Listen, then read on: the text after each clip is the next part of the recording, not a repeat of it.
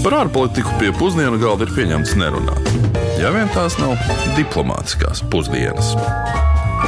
Esiet sveicināti otrdienā, jūs klausāties diplomātiskās pusdienas, un kā katru nedēļu studijā es Uģis Lībijams un arī doktors Kārls Bukovskis. Sveicināts! Sveicināts! Esam atpakaļ pie mūsu izglītojoša, izklaidējošā raidījuma. Un pēc pagājušās nedēļas atrašanās Čīles republikā turpināsim uzturēties globus rietumu puslodē un dosimies uz Ziemeļameriku. Un konkrēti uz Amerikas Savienotajām valstīm. Jā, pieļauju, ka nav neviena, kurš nebūtu dzirdējis par to, ka ASV tieši šodien notiek prezidenta vēlēšanas. Šī ir izšķirošā ASV prezidenta vēlēšanu diena, kaut arī ļoti liels skaits, pat nepieredzēti liels skaits cilvēku ir nobalsojuši iepriekš. Nu jā, bet tieši rīt no rīta pēc Latvijas laika mēs jau zināsim, kāda apmēram varētu būt pasaule tuvākos četrus gadus. Jā, interesanti, ka vienas valsts dēļ mēs runājam par to, kāda būs visa pasaule turpmākos četrus gadus.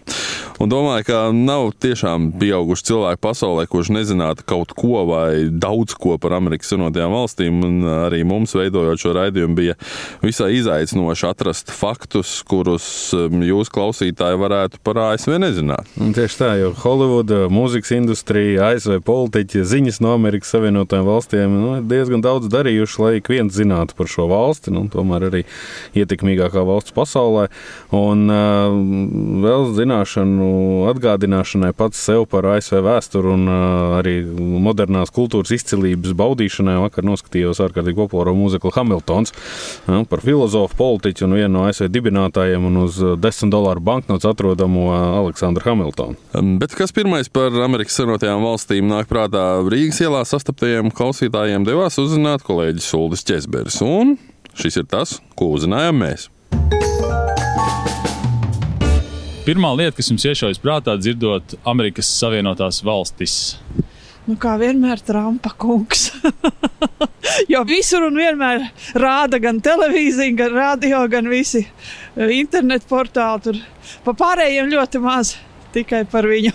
Pirmais - tā cīņa ar viņu dažādas jomas. Nu, laikam, kontinents pat tā zeme. Žēl tos dviņu torņus. Trumps, protams, prezidents Trumps. Trumps. Iedomu pārpilnu nāciju. Es nezinu, vai man to teikt. Oh, nu, nekas pārāk gudrs kaut kā tā. Šobrīd Trumps. Nekas manā nāk prātā. Pagājušajā raidījumā mēs vien solījām, ka centīsimies izvairīties no konkrētu politiķu vārdu pieminēšanas, un vismaz mēs ar Kārlis šo solījumu turēsim. Šobrīd kandidāts neminēs. Jā. Un tieši tāpēc mēs šodien vēlamies runāt par vairākām lietām, kas varbūt tiešām ir tās mazāk zināmās. Tā ir ASV divpartiju sistēma un tās īpatnības, tā ir vēlēšanu sistēma un tās īpatnības, un arī federālā sistēma un tās vispār, īpatnības. Un tās īpatnības. Nu, sāksim laikam ar pamatiem un par pašu federālo sistēmu, ko mums arī klausītāji bija vaicājuši skaidrot, ņemot vērā, ka Latvijā dzīvojam unitārā sistēmā, kur pašvaldībām ir ierobežotas tiesības, un ik viens to pieņemtais lēmums var tikt atcelts no nacionālā līmeņa valdības puses, un arī jebkura pašvaldības pieņemtie no normatīvie akti nedrīkst būt pretrunā ar nacionālo likumdošanu, un arī nodokļus mēs vācam valsts līmenī, un pašvaldībām pēc tam tiek attiecīgi piešķirts. Jā, tieši nesenais gadījums ar Latvijas vidas aizsardzības un reģionālās attīstības ministru, kurš atcēla Rīgas domas lēmumus, un beigās arī pašu domu. Tas ir tāds labs piemērs, kā darbojas unitārā sistēma. Federālajā sistēmā ASV ir 50 štati un viens federālais rajons. Tā ir Vašingtonu, galvaspilsētu Vašingtonu, kur starp citu grib padarīt par štatu jau kādu laiku, un diskusijas ir atkal aktualizējušās. Tātad vēl ASV federālajā sistēmā ir piecas pašpārvaldes teritorijas - tad amerikāņu Samoa, Guama, Ziemeļu Marianas salas, Puerto Rico un ASV Virģīnu salas, un kā arī virkni dažādu mazāku neapdzīvotu saliņu. Nu, ASV kā federāls valsts gadījumā situācija ir līdzīgāka tam, kā darbojas Eiropas Savienības starp citu jo nu, ASV federālā valdība ar valsts prezidentu, kas vada arī valdību, tas ir augšgalā, un tad attiecīgi senāts kā augšpalāta un pārstāvju palāta kā apakšpalāta ir likumdevēja un pieņem lēmumus kopīgi lemjot. Eiropas Savienības gadījumā atkal nu, šī ASV analoģija būtu Eiropas Savienības padomu un Eiropas parlaments. Katram štatam, atsevišķam štatam, ir savs gubernators un arī pašam savu augšpalātu un apakšpalāta, kas nodarbojas ar likumdošanu un pieņem štata līmeņa likumus. Nu, šis būtu daļai kā mūsu analoģija ar novadu sistēmu, tikai atšķirība tāda, ka štatiem ir daudz lielākas brīvības un tiesības, un tieši tāpatās kā arī atsevišķām pavalstīm vai countīs, kas varētu būt mūsu pagastu analogs, arī ir vēl atsevišķas teritorijas. Jā, bieži vien. Bieži vien ziņu valodā tiek varbūt jaukts, ka štatus nosauc par pavalstīm. Šīs sistēmas dēļ nereti var gadīties tāda situācija, ka, piemēram, ejot pie sarkanās gaismas pāri ielai, jūs vienlaicīgi varat pārkāpt gan federālo, gan štata, gan vēl arī vietējā novada likumu. Un sots par to var tikt ņemts vērā kā trīs atsevišķi sodi kopā mm -hmm. rēķinot. Un par katru nodarījumu pārkāpumu sasumē rezultātā arī radās uh, bieži vien gadu simtiem liela cietumsoda. Piemēram, uh, garākais piemērotais sots ir uh, 162 mūža ieslodzījumu, plus vēl 9300 gadi bez tiesībām uz priekšlaicīgu atbrīvošanu vienam teroristam. Un uh, ir arī, ja tikai gadu izteiksmē, tad uh, 30 tūkstoši gadu ASV 1994. gadā ir piemērots. Bet tie pat nav paši tie garākie, jo kas ir interesanti, ka pasaulē garāk augstākais ieslodzījums ir piemērots par finanšu piramīdas izveidošanu, respektīvi par finanšu noziegumiem. Un tas ir Taizemē, par Taizemē mēs vēl parunāsim citreiz, bet tur uh, 1989. gadā šīs finanšu piramīdas izveidotājai ir piemērots 141 tūkstoti un 78 gadus ilgs cietumsots.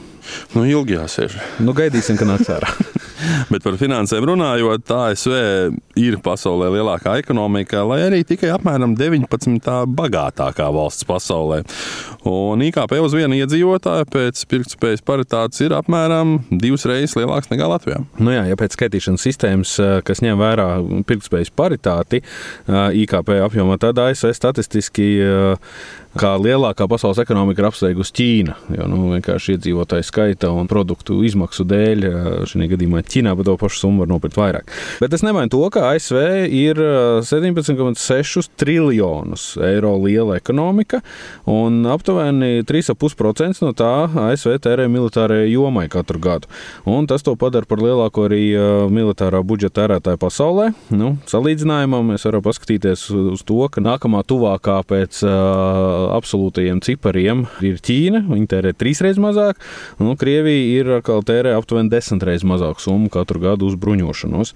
Nu, tas ir no Stokholmas Startautiskā miera pētniecības institūta datiem. Starp citu, savulaik bija tāds seriāls, kuru vada viens no pašreizējiem prezidenta amata kandidātiem, kuru uzvārdu mēs nesauksim. Tas um, seriāls saucās Cik maksā Amerika. Un tur ir interesanti paskatīties, tur rēķināts, cik ir um, katrā mājā leduskapi, paklāji, dīvāni un cik tas viss kopā maksā. To ir arī interesanti paskatīties. Bet atgriežoties atpakaļ pie tā, kā tad tiek izvēlēts šis cilvēks, kurš ir ASV bruņoto spēku virspavēlnieks, galvenais lēmējs gan par ekonomiku, gan budžetu, gan arī militāriem termiņiem, ir jāsaprot, kā patiesībā darbojas ASV vēlēšana sistēma un šī slavenā vai bēdīgi slavenā vēlēšanu kolēģijas sistēma. Un tas ir tāds Latvijai ļoti svešs veidojums, kura īpatnības mēs lūdzām skaidrot arī ASV Hamlinas Universitātes profesoram Davidam Šulcam. Remember, in the United States, It's not the direct popular vote that determines the president of the United States. Amerikas Savienotajās valstīs prezidents netiek ievēlēts tautas balsojumā. Tā vietā mums ir šī neparastā sistēma, kuras pirmsākumi ir meklējami mūsu konstitūcijas pieņemšanas laikā. Faktiski prezidentu ievēl 50 štati plus Kolumbijas apgabals, kuri ar elektoru kolēģiju izvēlas valsts prezidentu. Tas notiek tā. Katram štatam ir savs noteikts elektoru skaits, kas ir proporcionāls iedzīvotāju skaitam. 48 štatos kandidāts, kurš iegūst visvairāk balsu, iegūst visas elektoru balsis. Tādējādi realitātē mums ir 50 atsevišķu štatu vēlēšanas, un, lai uzvarētu, ir nepieciešamas 270 elektoru balsis. 1787. gadā, kad tika pieņemta mūsu konstitūcija, tajā nebija ierakstītas tiesības vēlēt. Vairums no iedzīvotājiem, kas tagad dzīvo ASV, tolaik nebūtu varējuši balsot, jo toreiz balsot varēja tikai baltādainie vīrieši, gados veci cilvēki un cilvēki, kuriem bija īpašums. And also at a time when they didn't believe political parties would exist. 200 years, 230 years later. Turklāt tobrīd neviens neticēja, ka eksistēs arī politiskās partijas. 230 gadus vēlāk partijas ir, mums ir tiesības balsot un ir notikušas milzīgas ekonomiskas un sociālas pārmaiņas. Tāpēc varētu teikt, ka mūsu konstitūcija ir novecojusi. Atcerēsimies, ka 1787. gadā ļoti nozīmīgs jautājums bija verdzība un elektoru kolēģija un pārstāvniecība arī ir veidota tā, lai rastu kompromisu verdzību aizsardzības jautājumos. Ir pamatots aicinājums atbrīvoties no elektoru kolēģijas, kas pārstāv 230 gadus vecas idejas, taču tam ir nepieciešami konstitūcijas labojumi. Taču to ir ļoti grūti panākt, jo ir nepieciešamas divas trešdaļas balsu senātā un pārstāvju palātā, kā arī trīs ceturdaļas štatu piekrišana. Mēs pašlaik esam tik polarizēti un tik sašķelti, ka mēs nevarētu šādus labojumus panākt. Taču pēdējais labojumu ierosinājums ASV vēsturē ir saistīts tieši ar atbrīvošanos no elektoru kolēģijas privilēģijas. Ja es varētu, es no tās atbrīvotos, taču legālā mašinērija, lai to panāktu, ir ļoti sarežģīta.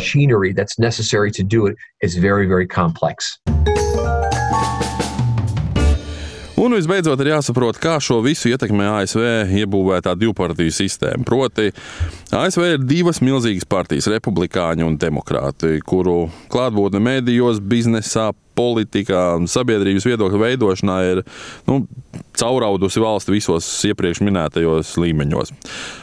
Valstī, kurā tiek vēlēti visi amati, ieskaitot novadu šerifus, prokurorus, daudzas citas publiskās pārvaldes personas, piedarība viena no divām šīm lielajām partijām ir nu, tāds tā kā pamatu pamatu visam. Jā, nu, tāpēc arī ir reizēm grūti aptvert, cik patiesībā polarizēta ir ASV sabiedrība, cik ļoti šī domāšana ir iespiedusies labie kauboji ar baltajām cepurēm un sliktie kauboji ar melnajām cepurēm domāšanā, labs un slikts dalījumā. Un konservatīvāk šobrīd domājošā republikāņu partija cīnās pret liberāli domājošo demokrātu partiju. Un, citu, kādreiz bija, bija otrādi, jo, piemēram, verdzību ASV atcēla republikāņu prezidents Abrahams Linkolns, Linkolns, kamēr cits arī par vienu no trim izcilākajiem ASV prezidentiem uzskatītais prezidents demokrāts Franklins Delano Roosevelts ir ilgstoši ticis vainots rasismā.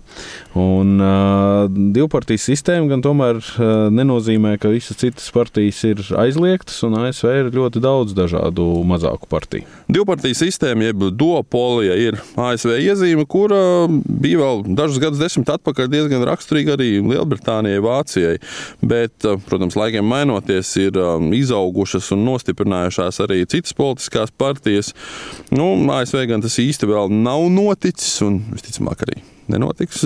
Bet um, ASV kongresa pārstāvju palātā tomēr ir arī viens cits partijas pārstāvis. Tas ir uh, Libertāriešu partijas pārstāvis, kas ir vēl radikālāk noskaņots pret uh, federālo valdību un tās uzliktajiem ierobežojumiem un nodokļiem. Nu, ir skaidrs, ka ASV politiskā sistēma ir savādāka nekā tas, ko mēs esam pieraduši redzēt kaut vai tepat Eiropā vai Latvijā. Bet tas nenozīmē vienmēr, ka viņi ir automātiski arī sarežģītāki, jo nu, daudzas lietas vienkārši darbojas savādāk. Izpratne par valsts lomu un iejaukšanos cilvēku dzīvēs un ekonomiskajā darbībā ir viens no tiem piemēriem, kur vienkārši tas domāšanas veids ir, ir atšķirīgs. Un tieši tas pats arī, ko prasīt no valsts apmaiņā pret uh, cilvēku nomaksātajiem nodokļiem. Um, lūk, beidzamais piemērs, starp citu, kur pirms deserta es vēl gribēju sniegt, un kas, manuprāt, lieliski ilustrē ASV federālo sistēmu, ir ceļu satiksmes noteikumi. Jo pirmkārt, ASV nav pievienojusies 1968. gada Vīnas konvencijā, kur tad standartizē šos braukšanas noteikumus starptautiskā līmenī, un tādēļ arī zīmes ASV daudz aktīvāk lieto tieši valodu, lai paskaidrotu zīmes nozīmi. Tas, kas dažādu valodu dēļ ir, ir aizvietots. Pagriezies pa labi, pie dzeltenā, pa kreisi. Precīzi. ASV gadījumā daudz vairāk izmanto valodu, tāpēc, ka starptautiski, protams, bija doma dažādo valodu problēmu dēļ aizvietot vienkārši ar zīmēm. Nu, turklāt ASV arī braukšanas standarti nav pilnībā vienādi visā federālajā līmenī. Tie atšķiras starp štatiem un to pieņemto likumdošanu, un valsts līmenī pieņemto rokas grāmatu arī lieto dažādi stati ļoti daudzveidīgi papildinot un paņemot lietas nost vai pārņemot pilnībā vai nelietojot gandrīz vai vispār. Lai cik būtu paēdis, vienmēr ir vieta arī desertam. Nu, šoreiz mēs izlēmām palikt pie kaut kāda paranormāla, varētu to teikt. Tā. Galu galā nedēļas nogalē arī Amerikas Savienotajās valstīs tika atzīmēta visu svēto dienu, Halloween.